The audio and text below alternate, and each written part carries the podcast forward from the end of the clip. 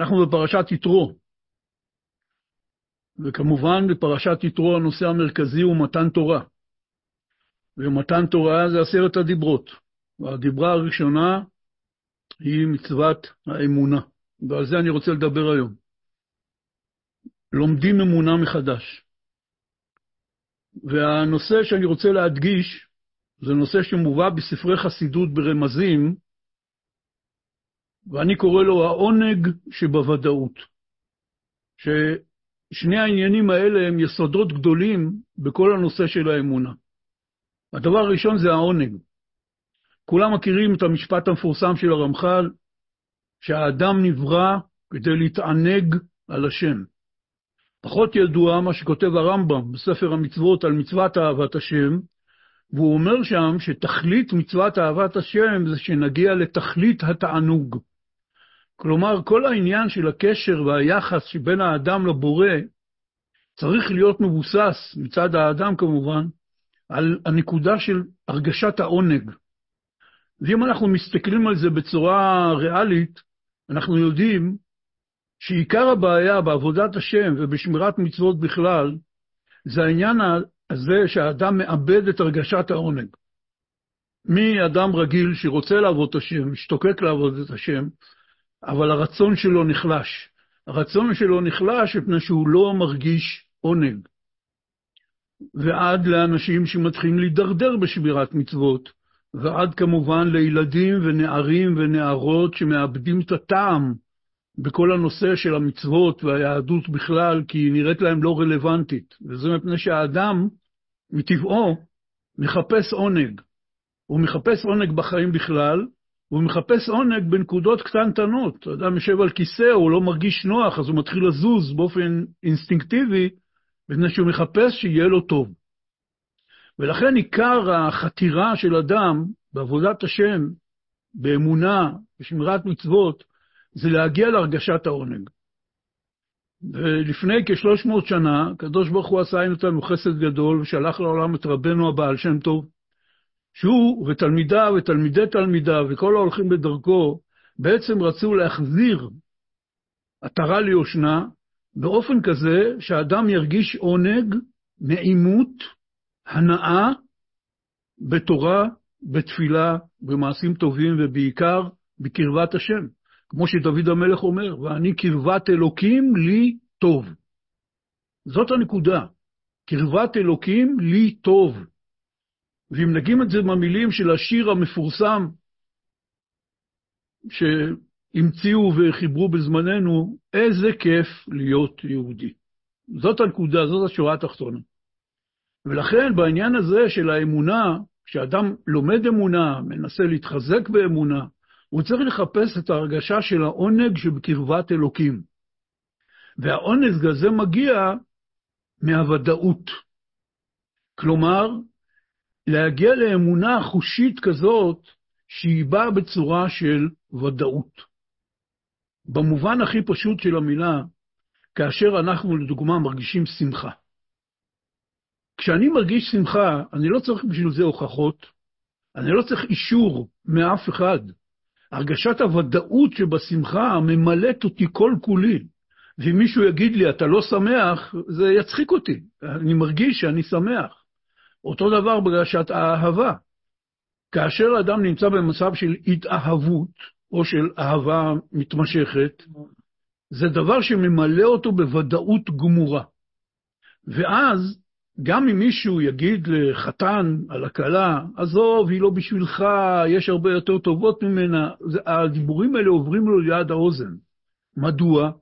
מפני שהרגשת האהבה ממלאת אותו ודאות שהיא בת זוגי האמיתי, וכמובן, כן להפך, עם כלה מול חתן. ולכן העונג שבוודאות, זה, זאת העבודה שצריכה להיות לנו כאשר אנחנו באים ללמוד אמונה, להשיג אמונה. ואני אנסה לדבר על זה היום, ונראה כמה מקורות. קודם כל, בעצם מצוות האמונה מספר החינוך, שהוא אולי החשוב שבמוני המצוות, מסבירי המצוות. נראה מרבי צדוק הכהן מלובלין, ובעיקר נראה מרבנו רבי נחמן ומתלמידו רבי נתן, נקודות מאוד מאוד חשובות באמונה. כמה וכמה נקודות, מעבר לנושא הזה של העונג בוודאות. ובסוף השיחה נראה קטע מרבי נתן שהוא בא ומבאר לנו, שמזה נוכל להבין גם שהעונג בוודאות הוא לא רק באמונה בשם, אלא במה שאנחנו קוראים היום אמון. ורבי נתן טוען שם טענה חזקה, שכל הנושא הזה, מה שאנחנו קוראים לה ידיעה, היא בעצם באה מאמונה. והדוגמה שהוא נותן זה מעולם העסקים. אנחנו נראה את זה באריכות אחר כך, אבל כבר נסתכל בדוגמה הפשוטה. אדם, לדוגמה, עשה עסקה והוא חישב בדולרים כמה שקלים זה יוצא, ואז פתאום הוא מברר מה השער יציג, ומתברר לו שהדולר עלה. ואז הוא מתמלא שמחה עצומה, כי הוא הרוויח עוד כמה שקלים מעבר למה שהוא תכנן. עכשיו, אם מישהו אומר לו, למה אתה כל כך שמח? הוא אומר, מה זאת אומרת? הדולר עלה. מאיפה אתה יודע? הסתכלתי במקום שמציין שער יציג. זאת לא ידיעה. אין לך באמת אפשרות לדעת מה שער הדולר. אתה מאמין למי שמוסר לך את המידע. ורבי נתן ירחיב יותר בנקודה הזאת, אבל הכותרת שלה היא שכל ידיעה היא בעצם אמונה. ולכן כאשר האדם נותן אמון בקדוש ברוך הוא, כאשר האדם מאמין בקדוש ברוך הוא, ובכל מה שנכלל בלימודי מצוות האמונה שיש בתורה שבכתב, בתורה שבעל פה, בדברי הצדיקים, ממילא זאת ידיעה גמורה. ולכן, עם ודאות כזאת, אדם יכול לפרגן לעצמו את העונג שבוודאות. אם כן, פרשת יתרו, בתחילת עשרת הדיברות, יש כמובן את הפסוק, אנוכי אדוני אלוהיך, שרוצתיך מארץ מצרים, מבית עבדים. ספר החינוך נכתב, כנראה, לא יודעים בבירור, על ידי רבי אהרון הלוי מברצלונה, הוא היה לפני כ-700 שנה, וזה הספר הכי חביב בעם ישראל של מניין תרי"ג מצוות, כאשר בכל מצווה הוא מסביר את המצווה, הוא אומר מה השורש שלה, מאיפה היא נובעת, מה הטעם שלה ומה הדינים שלה. וזה ספר, איך אומרים, ספר חובה בכל בית, וראוי מאוד גם לגברים וגם לנשים, ואפילו עם ילדים, ללמוד את הספר הזה באופן קבוע. כי הספר הזה נכתב לכתחילה, הוא כתב אותו לנער, והוא מדבר אליו כל הזמן, בני היקר וכן הלאה. והספר הזה, אם כן, שווה לכל נפש, בכל גיל, פשוט לקבוע בו סדר לימוד קבוע, לאט-לאט, עמוד או דף או מצווה כל פעם, ורוכשים ידיעות מאוד מאוד בסיסיות בתורה, ומעבר לזה, גם יש לו לשון מתוקה, נפלאה, שהוא מסביר המון יסודות במחשבה. כמובן המצווה הזאת, שהיא מצווה כ"ה, לפי מניין תרי"ג מצוות, הוא מבאר אותה.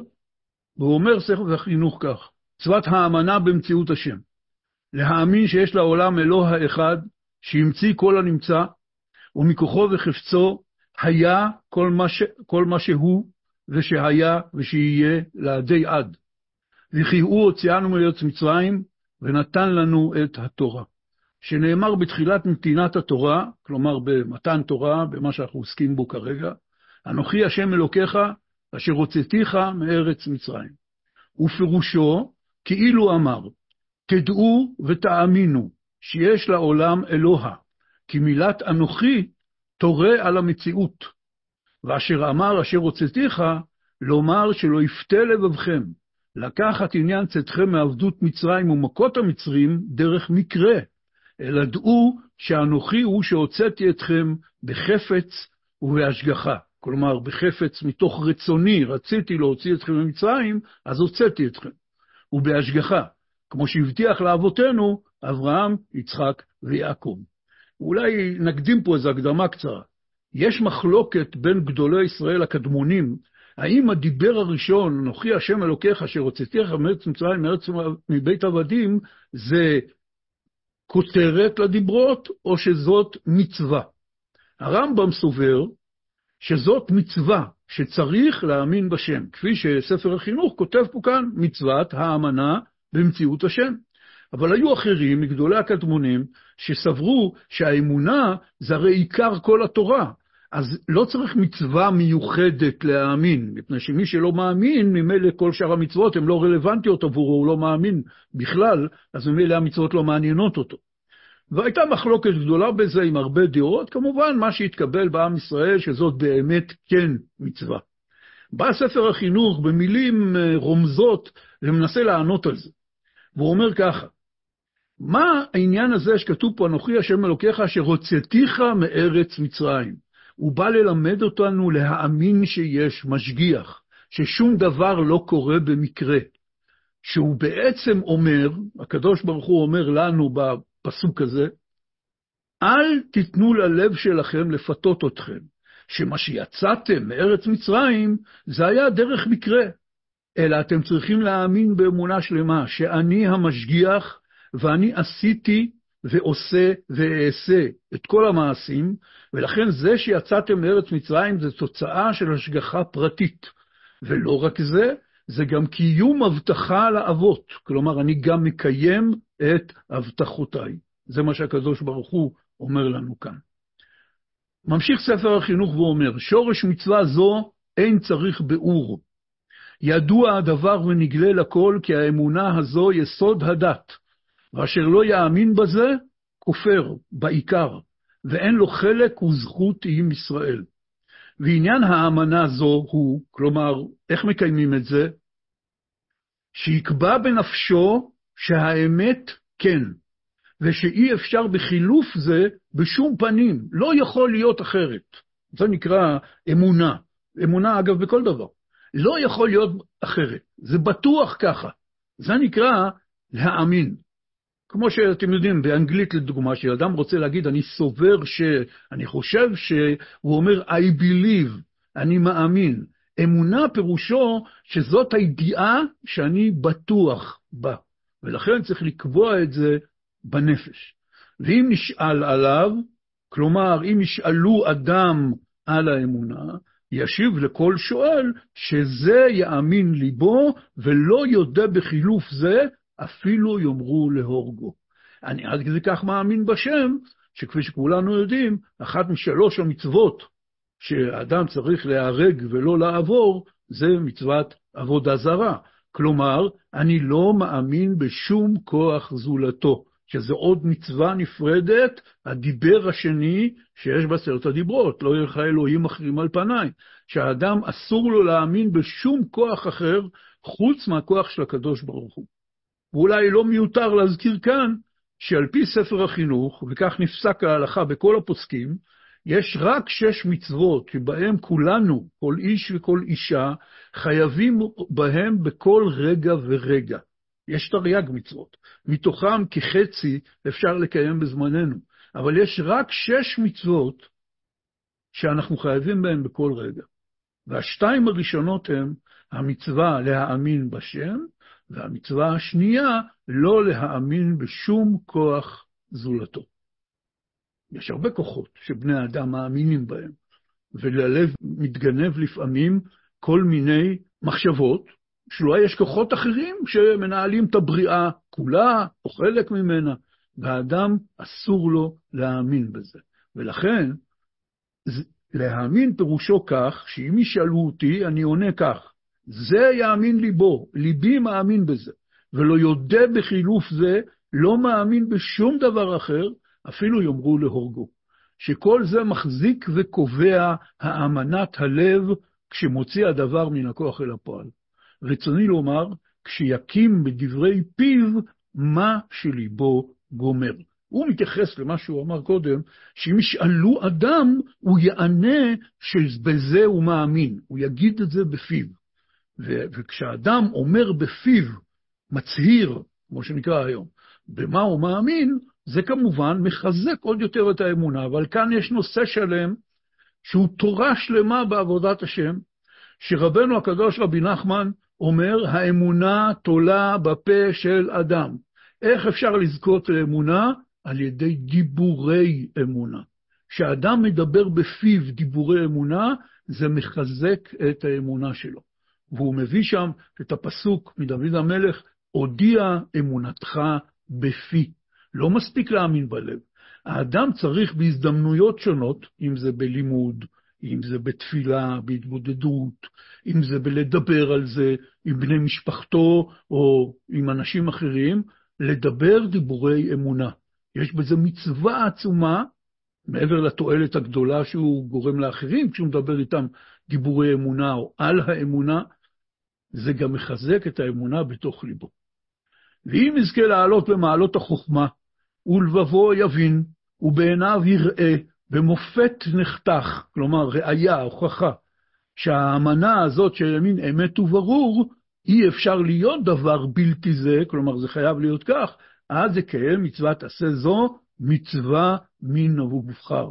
כלומר, צריך להאמין, לקבוע בנפש, בלב, אמונה. צריך לדבר בפה דיבורי אמונה. ואם הוא יזכה ויעלה במעלות החוכמה, ויזכה לראות בעיניו מופת נחתך, ראיה גמורה לאמונה שלו בכל מיני דרכים, אז זה ממש מצווה מן המובחר. כי עיקר מצוות אמונה זה לקבוע בלב את האמונה, שזה יהיה הדבר המרכזי שמחזיק את האדם, ההסתכלות שלו על הבריאה. וכתבו כבר הצדיקים על העניין הזה, שבאמת מצד מצוות האמונה, כפי שאמרתי קודם, זו מצווה שחלה על כל אדם בכל רגע ורגע, זה שלא יהיה רגע שיעבור על האדם בלי שיהיה לו שיוויתי השם נגדי תמיד. כל הסתכלות שלו, בכל נושא, בכל סוגיה שעומדת לפניו בחיים, מי כשהוא שומע על מאורעות שונים, המשמעות שהוא מחפש בהם היא מיידית משמעות של אמונה. ואם זה כאשר עומדת, עומדת לפניו שאלה, מה לעשות כרגע, כך או כך, הוא צריך להסתכל בזה בעיניים של אמונה, וכן הלאה, על זה הדרך, וכל ספרי החסידות וכל ספרי המוסר מלאים בזה בלי סוף. ונוהגת בכל מקום ובכל זמן בזכרים ונקבות. כלומר, זה חל על גברים ונשים כאחד. זה עובר עליה, מי שמפסיק להאמין בשם, אין לו חלק וזכות עם ישראל, כמו שאמרנו. וזאת מן המצוות שאין להם זמן ידוע, שכל ימי האדם חייב לחיות במחשבה זו. וזה בדיוק העניין שהמצווה הזאת היא מצווה תמידית, לעומת רוב ככל המצוות, כל המצוות, חוץ משש, הם צריכים לקיים אותם בזמן מסוים. כשהזמן הזה לא קיים, לא צריך לקיים את המצווה, כמו מצוות שבת או כל המצוות האחרות, לכל מצווה יש זמן. אבל יש שש מצוות שהם חייבים בהם בכל רגע ורגע. והדיבור הזה, זה העניין, מה שכותב ספר החינוך, שכל ימי האדם חייב לחיות במחשבה זו. אני רוצה לראות עוד, להראות עכשיו עוד יסוד במצוות האמונה. ראינו שיש מצווה להאמין שיש אלוה אחד, שהוא המציא את כל הנמצא, ושהוא עשה את כל מה שנמצא וכל מה שיהיה וכל מה שהיה.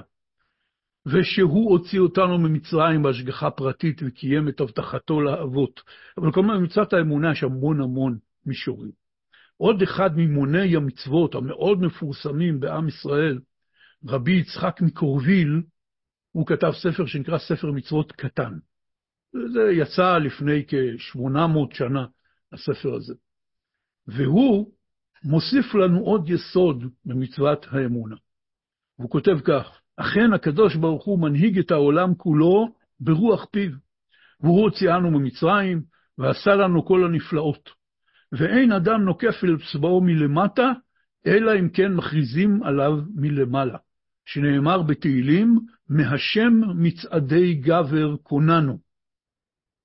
ובזה תלוי מה שאמרו חכמים, ששואלים לאדם לאחר מיתה בשעת דינו, ציפית לישועה. והיכן כתיב מצווה זו? הדיבור הזה של חז"ל מאוד מאוד ידוע. חז"ל אומרים את מה השאלות ששואלים אדם אחרי שהוא מת, מגיע לבית דין של מעלה, שואלים אותו שלוש שאלות, נסעת ונתת באמונה, ציפית לישועה וכן הלאה, קבעת עיתים לתורה. הוא אומר, מאיפה חז"ל למדו שציפית לישועה זאת אחת השאלות ששואלים את אדם בתחילת דינו? הוא עונה, אלא שמע אמינא, אפשר ללמוד, בזה תלוי שכשם שיש לנו להאמין שהוציאנו ממצרים, הכתיב אנוכי השם אלוקיך אשר הוצאתיך, ועל כורחין, מאחר שהוא דיבור, אחי כאמר, כשם שאני רוצה שתאמינו בי שאני הוצאתי אתכם, כך אני רוצה שתאמינו בי שאני השם אלוקיכם, ואני עתיד לקבץ אתכם ולהושיעכם. וכן יושיענו ברחמיו שנית.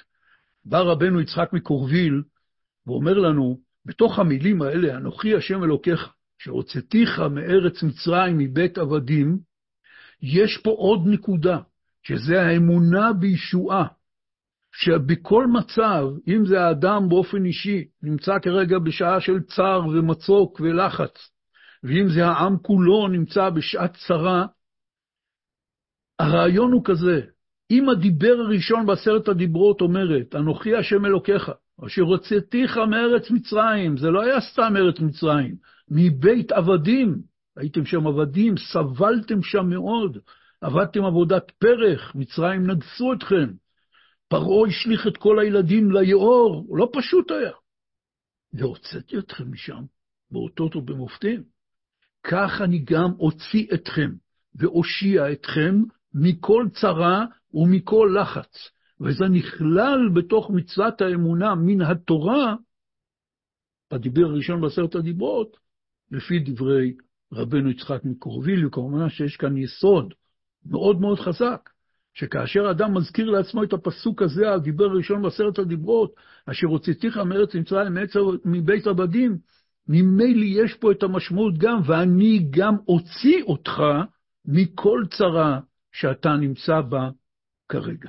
רבי צדוק הכהן מלובלין, בספר שלו צדקת הצדיק, נכנס לנקודה הזאת שאמרנו קודם, ששאלו כמה מגדולי ישראל, איך אפשר ללמוד מפסוק שבעצם הכרזה, אנוכי השם אלוקיך אשר הוצאתיך מארץ מצרים, נעים מאוד, אני הקדוש ברוך הוא, איך הוציאו מזה מצווה? לכאורה, מדוע לא כתוב, כמו שכתוב, לא יהיה לך אלוהים אחרים על פניי, זה לשון ציווי, זה ברור שזאת מצווה.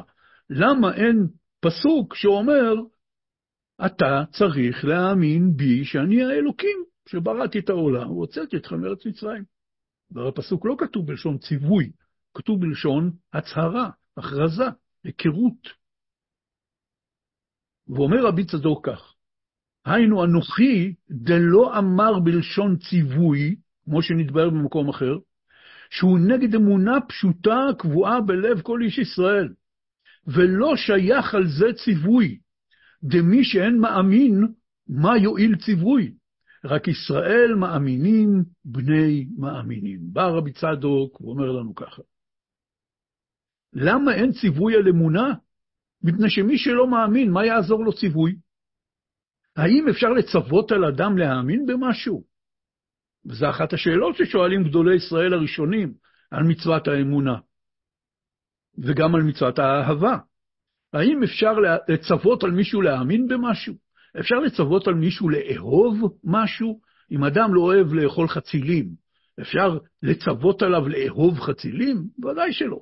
אפשר לצוות עליו לאכול חצילים, זה כן, אבל לא לאהוב את זה. והשאלה היא גם על אהבה וגם על אמונה. והתשובה שנותנים לזה גדולי ישראל, שפירוש המצוות האמונה להיות עסוק בדברים שמגבירים את האמונה, או לימוד תורה, כמו תפילה, פירוש מצוות האהבה, להיות עסוק בדברים שמגבירים את האהבה. אם יש זוג שהאהבה ביניהם התקלקלה, אז כמובן שאף אחד לא יכול לצוות על הבעל, תאהב, את אשתך, או לצוות על האישה, תאהבי את בעלך, כי זה דבר שברגש, לא שייך פה ציווי. אבל כן אפשר לתת להם הוראות, להיות עסוקים בדברים או בפעולות כאלה שיעוררו את האהבה בלב. כך אותו דבר, מצוות האמונה, פירושה להיות עסוק בדברים שמגבירים את האמונה, וכמובן, בעת ובעונה אחת, להתרחק מדברים שמקלקלים את האמונה. אם זה דברי כפירה, ואם זה דברי תאווה ודברים אחרים, שהם כמובן מקלקלים את האמונה בליבו של אדם, אם הוא ירצה או לא ירצה. אומר רבי צדוק, תירוץ נוסף, זה שהדיבר הזה לא כתוב בלשון ציווי, זה מפני שהאמונה היא כל כך שתולה ונטועה בליבם של ישראל, אז לא, לא שייך על זה ציווי. רק ישראל מאמינים בני מאמינים. וכאן זה חוזר למה שאמרתי קודם. בעצם, לכל אדם, ככה אנחנו מאמינים, אצל כל אדם האמונה נמצאת אי שם בתוך ליבו. גם אדם שרחוק מאוד באמונה ואומר לך, אני לא מאמין, אני אתאיסט, אני כופר, הוא רק צריך משהו, כמו שאומרים היום, איזה טריגר, שיעורר את זה. אז מי שעוסק בתורה, מי שעוסק בתפילה, מי שמתרחק מדברים שהם מקלקלים את האמונה, הוא נותן לאמונה שלו לצמוח ולגדול, כפי שנראה עוד מעט מדברי רבנו. אבל גם מי שרחוק מזה מאוד, כל מה שהוא צריך, זה משהו שייתן לאמונה שיש לו ממילא בתוך ליבו להתעורר. כי האמונה פשוטה, קבועה בלב כל איש ישראל. זה מה שאומר לנו רבי צדוק הכהן מלובלין. ולכן זה לא כתוב בלשון ציווי. אלא הקדוש ברוך הוא בא ואומר, אני יודע שיש לכם שורש אמונה פנימי בלב, אני רק באתי לעורר אותו. זאת האמונה הפשוטה. נגיע אולי עכשיו למה שדיברתי קודם, העונג שבוודאות. כאשר אדם יודע שיש לו על מי לסמוך, יש בזה עונג. זה נותן ביטחון, זה נותן יציבות. וכאשר אדם מרגיש שאין על מי לסמוך, זה מערער ומפורר את כל היציבות שלו, כל הרגשת הביטחון שלו, וכמובן גורם לו צער ומצוקה גדולה. ולכן עיקר מצוות האמונה של האמונה הזאת, אשר הוצאתיך מארץ מצרים מבית עבדים, ואני גם אוציא אותך מכל צרה שאתה נמצא בה, הביטחון הזה, שיש על מי לסמוך, יש בזה עונג עצום. כמו שילדים, כאשר משהו מפחיד אותם, הם מיד נצמדים לאימא או לאבא, וזה מרגיע אותם. וגם אנשים מבוגרים מחפשים מקום שבו זה מקום מקלט, שבו הם יוכלו להרגיש בטוחים. זה העונג שבוודאות של האמונה. וכפי שרבי צדוק מלמד אותנו, הדבר הזה נמצא בתוך ליבנו. וכל מה שאנחנו צריכים זה לעורר את זה מחדש כדי להרגיש את העונג הזה. את הרעיון הזה של הוודאות לקחתי מדיבור שמופיע בשמו של הצדיק רבי שמחה בונים מפשיסחה, אחד מגדולי תלמידי החוזה מלובלין, מגדולי צדיקי החסידות בכל הדורות. יש ספר שנקרא רמתים צופים, אחד הספרים הנפלאים ביותר בחסידות, פירוש על מדרש תנא דבי אליהו, והוא היה תלמידו של רבי שמחה בונם, והוא מביא ממנו המון דיבורים עמוקים ונפלאים, ואחד מהם הוא מביא על הפסוק שכולנו אומרים בכל יום.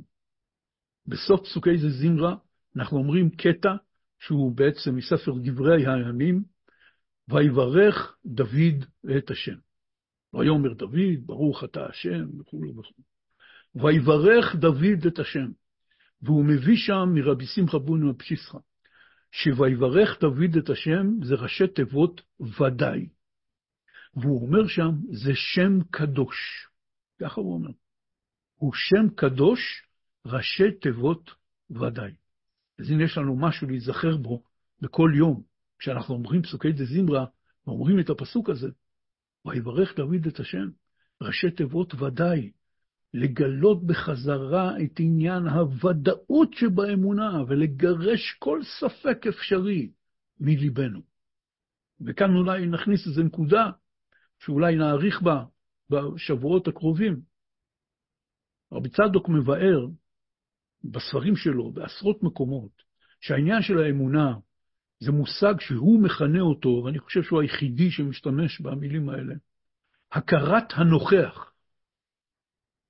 הכרת הנוכח, שהקדוש ברוך הוא נוכח במציאות, בחיים שלי, בכל מצב. ובכמה עשרות מקומות בספרה, הוא מעריך בזה בכמה דרכים. אבל בעיקר יש לו קטע שהוא מסביר שכל העניין של עמלק הוא למוטט את הרגשת הכרת הנוכח אצל האדם. וזה העניין של עמלק. הרי אנחנו עסוקים בימים האלה, בשבת הקרובה נברך את חודש אדר א', ובקרוב יהיה לנו פורים. כל העניין של פורים, לפני פורים, זה המלחמה בעמלק, כפי שיש מנהג כזה מרבי נתן, של 30 יום ולא 40 יום, כמו שכולם מדברים, המקור הכתוב היחידי שיש לנו על העניין הזה זה 30 יום קודם פורים, שהאדם מתפלל לקדוש ברוך הוא, הצילני מקליפת המן עמלק. רבי נתן אמר, מי שיתפלל כך, הוא יזכה להארת מרדכי ואסתר. כי כל העניין של פורים זה המלחמה בעמלק. ולכן, הנה יש לנו כאן נקודה, שאני אומר שוב, אולי בשבועות הקרובים נזכה ונדבר עליה, שלהילחם בעמלק זה להילחם בכל מה שמנסה להטיל ספק בהכרת הנוכח. יש בורא לעולם והוא מנהל כאן את העניינים. יש כאן מנהל. כשאדם נתקל באיזה בלגן, באיזשהו מקום, הוא אומר, מי המנהל פה? מי אחראי פה? תביא לי בבקשה את המפקח. וזה בדיוק הנקודה. להיזכר שיש מנהל לעולם, מלך העולם. והזמן להיזכר בזה קל מאוד. אנחנו מברכים מאה ברכות לפחות בכל יום. והצדיקים אמרו שהזמן של לימוד אמונה, של דיבור אמונה, של חיזוק אמונה, זה בכל ברכה רגילה שאתה מברך. אתה מברך שהכל נהיה בדברו, אם זה ברכות הנהנין, ברכות המצוות. ברוך אתה השם. ורבי צדוק כותב של ברוך אתה, זה העניין של הכרת הנוכח. אני מדבר אליו כנוכח, ברוך אתה השם. זה בעצם הצהרה שאני עומד מול השם ואני מדבר אליו. אחר כך זה הופך להיות לשון נסתר, כפי ששמו לב כל גדולי ישראל. מטבע הברכות, ברוך אתה השם, זה בלשון נוכח. ואז מה שאנחנו רואים מיד אחר כך, זה תמיד בלשון נסתר. לדוגמה, ברוך אתה השם, אני מדבר אליו, לשון נוכח. אלוקינו מלך העולם, שהכל נהיה בדברו. זה לשון נסתר. למה לא אומרים שהכל נהיה בדברך? כי הרי אני מדבר אליו. ככה זה כל המצוות, אם תתבוננו בזה, תראו. כי קודם כל יש הכרת הנוכח, אבל אחר כך, להבין את מעשיו, כבר לא. זה נעלם. לכן אנחנו עוברים ללשון נסתר. העניין הזה שדיברנו של הברכות, זה דבר נפלא מאוד, שעוזר לנו להיזכר בזה שאנחנו מאמינים בשם יתברך בכל יום עשרות עשרות עשרות פעמים, בברכות שאנחנו מברכים בתוך סדר היום. כי יש עניין להזכיר לעצמי כל הזמן את האמונה. וכך אומר רבנו הקדוש רבי נחמן בשיחות הר"ן, שיחה רי"ז.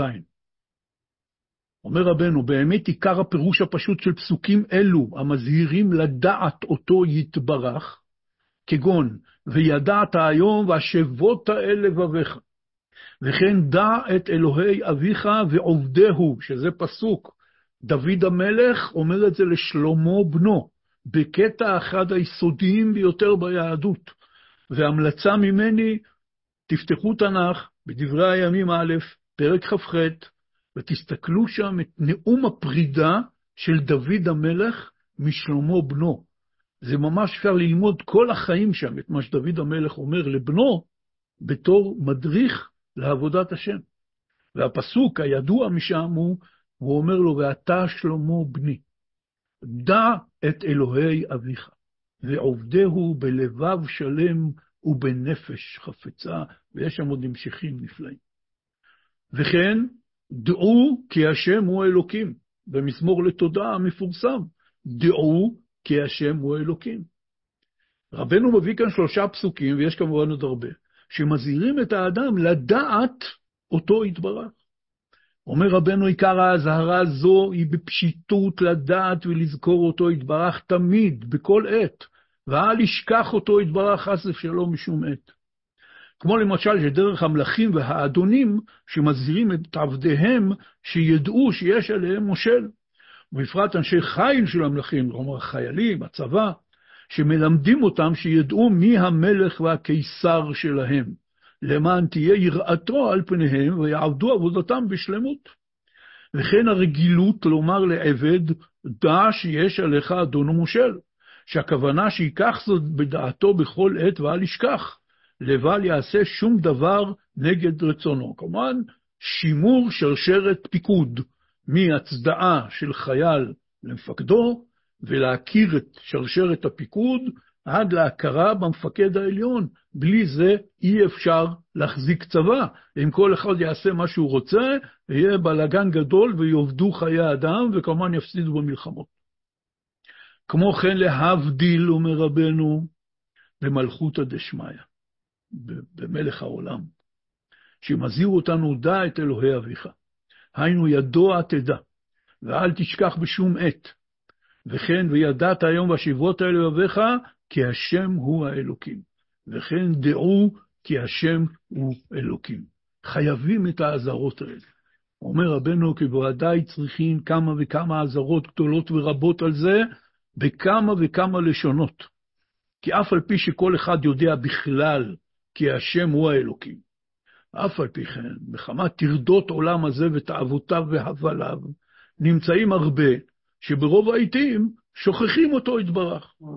ועל זה מזהירים הפסוקים, דעו כי השם הוא האלוקים, וכן דע את אלוהי אביך. כלומר, קחו זאת בדעתכם היטב, עד שיהיה קשור וחזק בדעתכם ולבבכם בכל עת. וזה, וידעת היום והשבות האלה לבביך. אם אתם זוכרים, קראנו בדברי ספר החינוך, שהוא אומר שעיקר ההסבר והביטוי ההלכתי של קיום מצוות אמונה, שיקבע את זה בנפשו. כך הוא אומר. זה עניין האמונה. לקבוע את זה כיתד חזק, דבר שלא משתנה, בתוך ליבו ונפשו. וזה מה שרבנו אומר פה. קחו זאת בדעתכם היטב, עד שיהיה קשור וחזק בדעתכם ולבבכם בכל עת. כי בכל עת שמשימים זאת אל לבבו היטב, כי השם הוא האלוקים, בוודאי נופל פחדו ואימתו ויראתו עליו לבלתי יחטא. ואי אפשר לדבר בזה יותר, כי ידיעת אלוקותו יתברך ולכל חד כפומה דמשאר בליבי כידוע. זה הזוהר הקדוש אומר, כתוב באשת חיל, נודע בשערים בעלה. בעלה זה הקדוש ברוך הוא. נודע בשערים. מה הפירוש? אומר הזוהר הקדוש, הקדוש ברוך הוא נודע לבני אדם, כל אחד לפי מה שהוא משער בליבו. ולכן אומר רבנו, הדיבור שאמרתי לך כאן זה דיבור כללי, לדבר בזה יותר בפרוטרוט, זה כבר כל אחד לפי המדרגה שלו, אז אי אפשר לדבר בזה יותר. בכל מקרה למדנו כאן, שרבנו מסביר לנו, שהנושא הזה של האמונה, הוא חייב הזכרה תמידית אצל האדם, כי אחר כך, אחרת, תאוות העולם הזה והבלי העולם הזה משכיחים ממנו את האמונה. באופן כללי הוא מאמין, אם מישהו ישאל אותו, הוא יגיד לו, כן, אני דתי, מאמין בשם, בטח, בעזרת השם. אבל אם הוא לא עוסק בעבודה תמידית, להזכיר לעצמו את מצוות האמונה, ללמוד אמונה, לחזק את האמונה, הוא בעצם אימתו של הקדוש ברוך הוא, יראתו של הקדוש ברוך הוא עליו תיעלם, ויהיה מזה נזקים. בליקוטי מורן, בתורה קנ"ה, שהיא אחת התורות הכי יסודיות ומרכזיות של רבנו, הוא אומר שם, אני מביא פה כמובן רק חלק קטן, הוא אומר רבנו כך, כי עיקר העצלות הוא מחמת חסרון אמונה. כמו למשל כשמניחים חיטה בארץ טובה, אזי הוא גדל וצומח יפה, ואינו מזיק לו שום רוח ולא זיקים ורעמים. וזה מחמת שיש כוח הצומח וכוח הגודל. על כן אינו מזיק לו שום דבר. החיטה מושכת מהאדמה, ויש בה את כוח הצומח וכוח הגודל. ולכן, גם כשיש רוח, ברקים ורעמים וגשמים, זה לא מזיק לה, מפני שיש בה את הכוח הפנימי של הצמיחה והגדילה, שהוא עומד כנגד כל הסכנות שבאות מבחוץ. אבל כשנותנים החיטה בארץ שאינה טובה לזריעה, אזי הוא נרקב בארץ, מחמת שאין לו כוח הצומח וכוח הגודל. ברגע שהחיטה שתולה באדמה שהיא לא טובה לזריעה והיא לא טובה לצמיחה, כוח הצומח והגודל שבחיטה פשוט לא יכול לפעול, הוא לא קיים. ואז החיטה נרכבת בארץ, במקום לפרוץ, כן, מהזרע יוצא נבט. הנבט צריך לפרוץ את מחסום האדמה, ואז לבצבץ החוצה, ואז להמשיך לגדול. אם שמים גרעין של חיטה באדמה שהיא לא טובה לגידול חיטה, אז הזרע, לא רק שהוא לא נובט וצומח וגודל, הוא פשוט נרקב בתוך הארץ. אומר רבנו, ואמונה הוא בחינת כוח הגודל וכוח הצומח. כמו שכתוב על מרדכי, ויהי אומן את הדסה. אומן, במובן שאנחנו משתמשים היום, אומנת, משפחת אומנה, מה פירוש העניין הזה? לגדל מישהו, לשון גידול. וכמו שאמרו רבותינו, אמונה זה סדר זרעים. אמונה זה לשון גדילה וצמיחה. אומן בלשון הקודש פירושו מגדל. ולכן אמונה פירושה גדילה וצמיחה. וחז"ל אמרו, אמונה זה סדר זרעים. יש פסוק, והיה אמונת איתך, חוסן ישועות, חוכמת ודעת. חז"ל פירשו את הפסוק הזה על שישה סדרי משנה. לא ניכנס עכשיו לכל הפרטים, מה הם למדו מכל מילה. על המילה, והיה אמונת איתך, אמונת, הם אמרו, זה סדר זרעים. כל העניין של אמונה זה כוח הגודל וגודל הצומח, וכוח הצומח. ועל כן כשיש לו אמונה, שהיא בחינת כוח הגודל וכוח הצומח, אזי אין מזיק לו שום דבר, ואינו ירא משום אדם ושום דבר. הוא מתפלל בחיות כראוי, ונוסע להצדיק, כי אינו מתיירא ומתפחד משום עניין שבעולם. אבל כשיש חיסרון באמונה, אזי אין לו כוח הגודל וכוח הצומח, ואזי הוא נרקב ממש, כמו החיטה הנ"ל, ועל כן יש לו עצבות ועצלות וכבדות, והוא נרקב ממש. כן, רבנו מדבר כאן כמובן על מצבים שאני לפחות מכיר טוב מהחיים, מניח שגם אתם, שאדם לפעמים בתקופות מסוימות מרגיש בדיוק במצב הזה, של גרעין החיטה, ששמו אותו באדמה, והוא נרקב שם, הוא לא מצליח להנביט מתוכו שום דבר. אומר רבנו, אמונה זה כוח הצומח וכוח הגודל.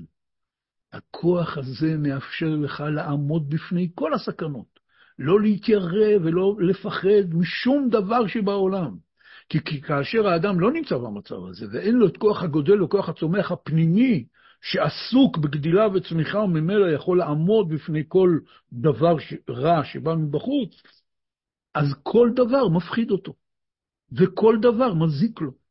ואפילו איזו חדשה רחוקה שלא קשורה אליו בכלל, ישר אומר, אוי, מה אתה אומר? וישר הוא נכנס לפאניקה ולפחדים. לא כל שכן במצבים שבאמת יש עליו איום. כדי שהאדם יוכל לעמוד באיומים, הוא צריך לסמוך על משהו, כמו שאמרנו קודם. אמונה זה להיסמך על משהו. כמו שחז"ל אמרו, אין לנו על מי להישען, אלא על אבינו שבשמיים. אמונה זה להישען על משהו. לסמוך על משהו, לסמוך פירושו להישען. והנקודה הזאת היא מאוד מאוד עקרונית. ואם יש אם אדם מאבד את כוח ההישענות, את כוח הסמיכה, הוא ישר נהיה כעלה נידף, וכל דבר ישר מזיק לו, מטלטל אותו, מזעזע אותו, מפחיד אותו. אומר רבנו, מה שיש לך עצבות ועצלות וכבדות, זה בגלל חיסרון אמונה. ולכן אם אתה מרגיש במצב כזה, הדבר הראשון שאתה צריך לעשות, זה לעורר, לרענן מחדש את האמונה שלך. להתגבר על חיסרון האמונה. כי אמונה זה דבר שאפשר לשחזר, לרענן, להגדיל. על ידי שאדם מזכיר לעצמו את האמונה באופן קבוע, כמו שראינו קודם משיחות הר"ן רי"ז. על ידי שהאדם עוסק בדיבור, כמו שאמר ספר החינוך, אדם שאומר את הדיבורי אמונה בפה, זה גורם לחזק, לקבע את הדבר הזה גם בלב. לכן אדם צריך להיות עסוק בדיבורי אמונה, בתורה, בתפילה, בדיבור עם אנשים אחרים, להיות עסוק כל הזמן בדיבורי אמונה. לא לקחת את האמונה כמובן מאליו, כי יש תקופות שהאדם נרקב ממש, אומר רבנו. עצבות, עצלות, כבדות, זה הכל בגלל חיסרון אמונה. ואמונה זה דבר חיוני. כמו שאומר רבנו בשיחות הר"ן באות נ"ג,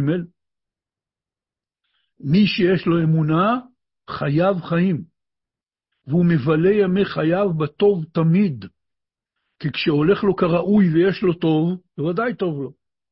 ואפילו כשאינו כך, דהיינו שאין מתנהג לו כסדר, ויש לו איסורים, חס ושלום, גם כן טוב, כי הוא בטוח שאף על פי כן, השם יתברך ירחם עליו להבא, וייטיב אחריתו.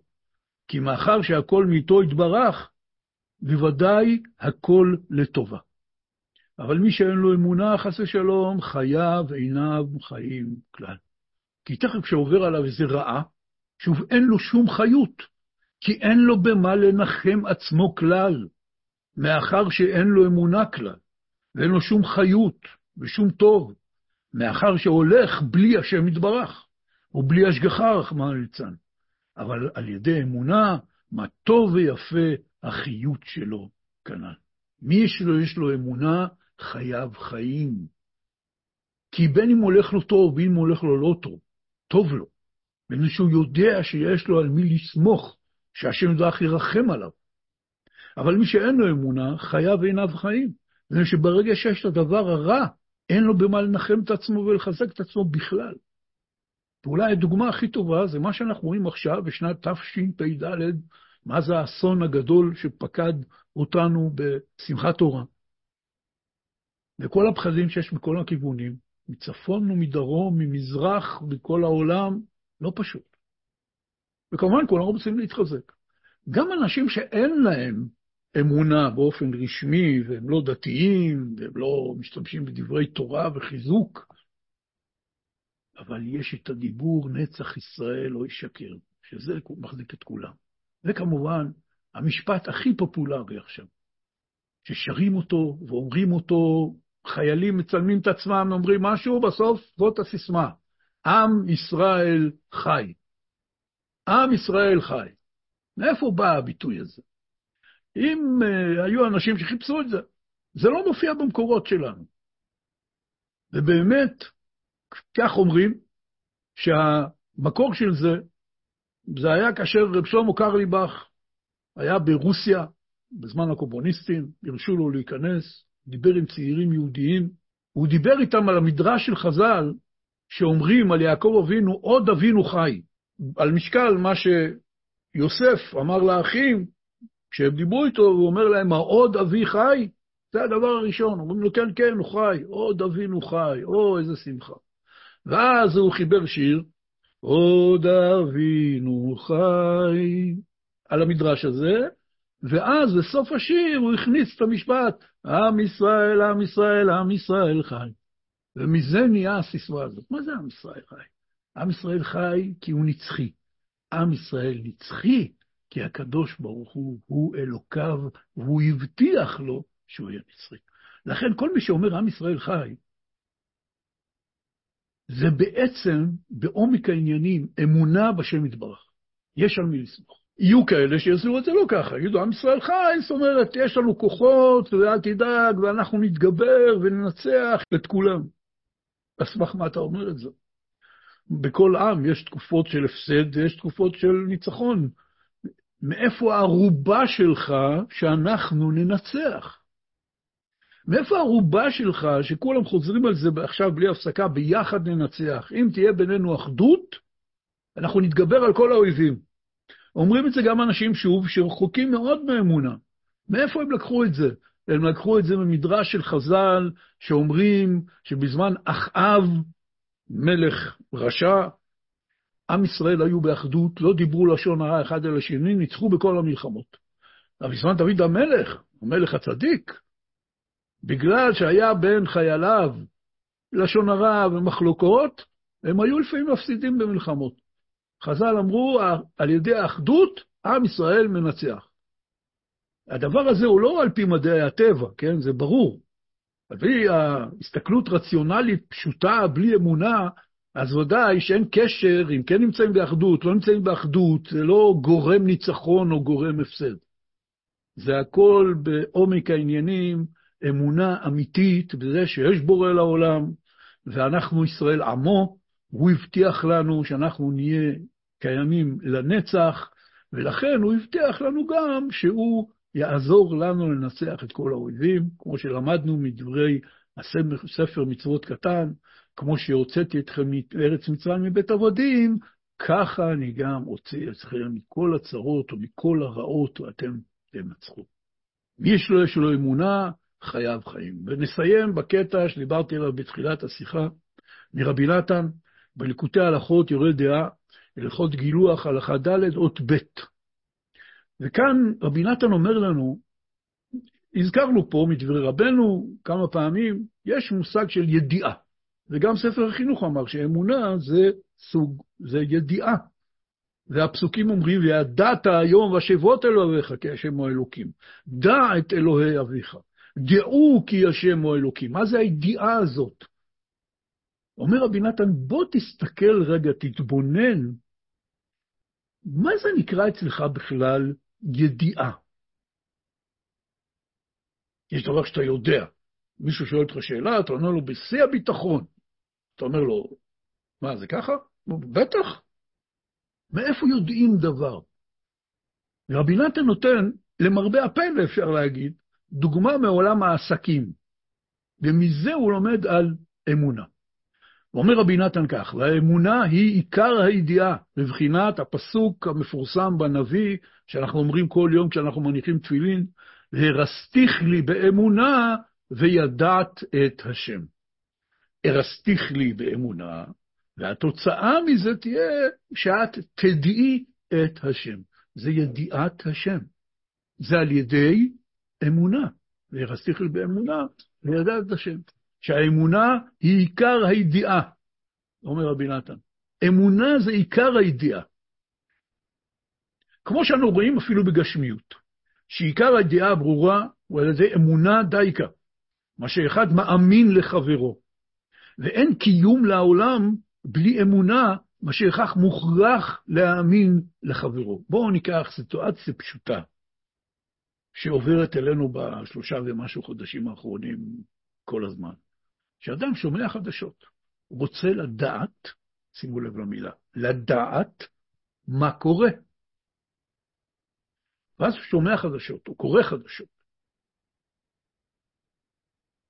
הוא שמע, ואחרי כן הוא פוגש שום ותגיד, מה, מה קורה במלחמה? הוא מתחיל לדקלם לו את מה שהוא שמע, ברדיו, או בטלפון, או קרא במחשב. מאיפה אתה יודע? מאיפה אתה יודע שזה מה שקרה בח'אן יונס עכשיו, או בדרום הרצועה, או בצפון הרצועה, או בצפון? מה זאת אומרת? הוא שמע בחדשות, והוא לא שם לב שמה שלדעתו נקרא שהוא יודע מה קרה, זה בעצם אמונה, אמון, באלה שסיפרו לו מה קורה. כי הוא בעצמו, באמת אין לו שום מושג מה קורה באמת. וממילא, אומר רבי נתן, אין קיום לעולם בלי זה שיאמינו אחד לחברו. כל האינפורמציה הכי בסיסית שלנו, לא רק בנושא ביטחון או כלכלה, בנושא רפואה. אדם לא מרגיש טוב, הולך לרופא, הרופא אומר לו, תיקח תרופה פלונית. הוא מאמין לרופא, כי הוא לא יודע למה הוא צריך לקחת את התרופה הזאת, הוא לא מבין בזה. הוא הולך לבית מרקחת, נותן לרוקח את המרשם. הרוקח נותן לו את הכדורים. הוא סומך על הרוקח, שהוא לא החליף את האריזה וכן הלאה. ואז הוא מאמין לאריזה. מישהו הדפיס כאן שזה הכדור הזה והזה. אמונה. הוא לוקח את הכדור, זה הכל מתוך אמונה. במפעל, ברוקח, ברופא. זאת לא ידיעה. זאת לא ידיעה. אומר רבי נתן, אין קיום לעולם בלי האמון שאחד מאמין לחברו. סתם, אדם הולך ברחוב, הוא לא יודע מה השעה. הוא שואל מישהו, סלח לי, מה השעה? והוא עונה לו. לפי זה הוא מתכנן את כל התוכניות שלו. הוא מאמין לו שזאת השעה, זה לא שהוא יודע שזאת השעה, פשוט מאמין לחברו שאמר לו. ועכשיו רבי נתן באמת מתרכז בנושא הזה הכלכלי של עסקים, כי בלא אמונה לא יתקיים שום עסק ומשא ומתן. כמו למשל כשאחד רוצה לידע המקח, זאת אומרת מחיר ואופן קנייה, מאיזה סחורה במרחק, במרחקים. כגון, רבי נתן נותן דוגמה ממקומו. אנשים גרו באוקראינה, בעיירות קטנות וכפרים, והם רוצים לקנות חיטה. חיטה קונים בעיר הנמל, אודסה, העיר הגדולה, שאליה שם מתרכז כל היבוא וכל הסחורות, והאדם רוצה לדעת מה המקח, בכמה החיטה נמכרת היום באודסה, באופן סיטונאי. או בסטנבול, כן, איסטנבול בטורקיה, די קרובה לאודסה, אבל ארץ אחרת לגמרי. או במרחקים יותר. אם ירצה לבלי לסמוך על שום נאמנות של שום אדם בעולם, בוודאי לא ידע לעולם המקח. הוא חייב לסמוך על בני אדם, הוא שואל מישהו, לפעמים ששמע ממישהו, ששמע ממישהו. כך זה התנהל אז, איך זה מתנהל היום? אבל אני אומר, מה באמת המחיר של טון חיטה היום בבורסות העולמיות? הוא נכנס למחשב או לטלפון, עושה חיפוש בגוגל, נכנס לאיזה אתר, שאין לו מושג מה זה האתר הזה, נראה אתר רשמי כזה, ושם כתוב מה המחיר של טון חיטה. יופי, עכשיו הוא יודע. מי שואל אותו כמה עולה טון חיטה, הוא עונה לו בשיא הביטחון. זה אמונה. אם לא יהיה אמון ואמונה בין בני אדם, אי אפשר להתקיים בעולם בכלל. ודאי שלא לקיים עסקים. מכאן גם יוצא הגיחוף של הרבה בני אדם, שמתוך זה שהם לא סומכים על הממסד וכל מיני תקלות שעברו עליהם במשך החיים, הוא אומר לך, תדע לך, אני לא מאמין לאף אחד. או שהוא נותן לך הוראה, הוא בא לחנך אותך. תשמע לי, אל תאמין לאף אחד. אי אפשר לחיות בלי להאמין לאף אחד. יכול להיות שאתה צודק, שעל אמצעי התקשורת הזה, או על הממשלה הזאת, או לא יודע, אפילו דובר צה"ל, יכול להיות שלא צריך להעמיד להם תמיד, וכדאי מאוד לבדוק, מאוד מקורות, אל תהיה פטי מאמין לכל דבר על, אצל בני אדם, זה לא כדאי. אבל להגיד, שמע לי, אל תאמין לאף אחד, זה משפט חסר היגיון. כי אם האדם לא מאמין, הוא לא יכול להתקיים. ואותו אדם שאומר לך, תשמע לי, אל תאמין לאף אחד, ואז הוא לא מרגיש טוב, והוא לא מאמין לרפואה הקונבנציונלית, הגיוני, לגיטימי, הוא הולך לבית טבע. ואז הוא אומר למוכר, סלח לי, תגיד לי, יש לך משהו נגד הצטננות? הוא אומר לו, בטח, היום יש ג'ינג'ר עם דבש בקפסולות, משהו, דבר מעולה, תדע לך. מה אתה אומר? תן לי, משלם, בדרך כלל הרבה, קונה, הולך, לוקח. אז אתה כן מאמין, אתה מאמין למוכר בחנות טבע. אין לך מושג מה ההכשרה שלו, מאיפה המידע שלו, כלום. יש לו בטח אינטרסים. זה לא משנה. אי אפשר לחיות בלי להאמין לאף אחד. זה מה שרבי נתן אומר פה. אין קיום לעולם. לכן, אומר רבי נתן, אם ירצה בלי לסמוך על שום נאמנות של שום אדם בעולם, בוודאי לא ידעו על העולם המקח.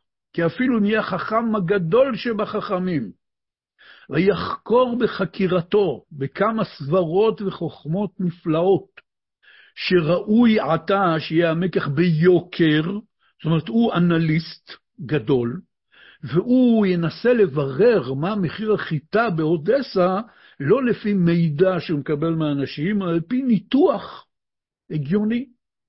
ואז הוא יגיע על פי חקירתו, הוא אנליסט, יעשה אנליזה, שראוי עתה שיהיה המקח ביוקר. ולפי זה הוא מנהל את העסקים שלו. הוא אומר, כרגע החיטה ביוקר, אז עכשיו לא כדאי לקנות, עכשיו כדאי למכור אם יש לך, כי אז תרוויח, וכן הלאה, לפי זה הוא מנהל את העסקים. אומר רבי נתן, אף על פי כן הידיעה הזאת, שעל פי סברות החוכמות, אינה ידיעה כלל. כי כבר ראינו כמה פעמים שהייתה סברה נותנת שיהיה חיטים ביוקר, ואף על פי כן היה בזול גדול. פשוט, רבי נתן נותן פה עקרונות שפשוט אנחנו לא חושבים עליהם כל כך. ואומר רבי נתן, וכן מכל הסחורות והעסקים, הידיעה שעל פי סברה וחוכמה אינה ידיעה כלל. רק מי שרוצה לידע ידיעה ברורה מהמקח של איזו סחורה, בהכרח שיסמוך על איש נאמן, שיבחר לו איש נאמן, שראוי לסמוך עליו, כשהוא יודע שהוא אוהבו באמת, ויש לו נאמנות, כשזה הנאמן באמת כותב לו ידיעה מאיזה מקח, מסחורה וכיוצא, זאת הידיעה, ידיעה ברורה באין ספק, אף על פי שאינו מבין בשכלו שום סברה ושכל שיהיה עתה המקח כך. אדרבה, סברה נותנת שיהיה בהפך. אף על פי כן, הוא יודע, ידיעה ברורה ואמיתית, שהמקח הוא כך, על ידי אמונה שמאמין לחברו הנאמן, שבוודאי לא ישקר בו. ובוודאי כותב לו האמת. כמובן, רבי נתן עוד מעריך שם בהלכות גילוח הלכה ד', מעריך בזה עוד הרבה, שמזה כמובן לומדים את העניין של האמונה. ברגע שאני בוחר לעצמי מקור נאמן, חכמי ישראל, ואני מאמין בהם שהם אוהבים שלי באמת, ובוודאי הם לא ישקרו לי. הידיעות שלי בנויות על זה שאני מאמין בהם, בחכמים, שהם מעבירים לי את האמת. אני לא יכול לדעת רק על פי הסברות שלי, או בכלל לא על פי הסברות שלי. ולכן אמונה היא הידיעה האמיתית. וזה בדיוק מה שהתחלנו בו. הקדוש ברוך הוא בא ואומר, אנוכי השם אלוקיך, שרוצתיך מארץ מצרים מבית עבדים. וראינו מדברי ספר החינוך, ספר מצוות קטן, רבי צדוק, רבנו רבי נחמן, כמה וכמה יסודות עד כמה האמונה הזאת חיונית וחשובה. והאמונה הזאת היא-היא הידיעה האמיתית. ידעת היום, והשבות האלה בביך, כי האמונה, כמו שרבנו אמר, הבלי העולם הזה, תאוות העולם הזה, משכיחים האדם את האמונה. צריך השבות האלה בביך, כי השם הוא אלוקים. ועל ידי הוודאות הזאת, של הידיעה הזאת, שאין מי שיוכל בעולם לנפץ לי אותה, אני יכול לחיות חיים טובים, חיים של עונג, חיים של ביטחון, חיים של יציבות.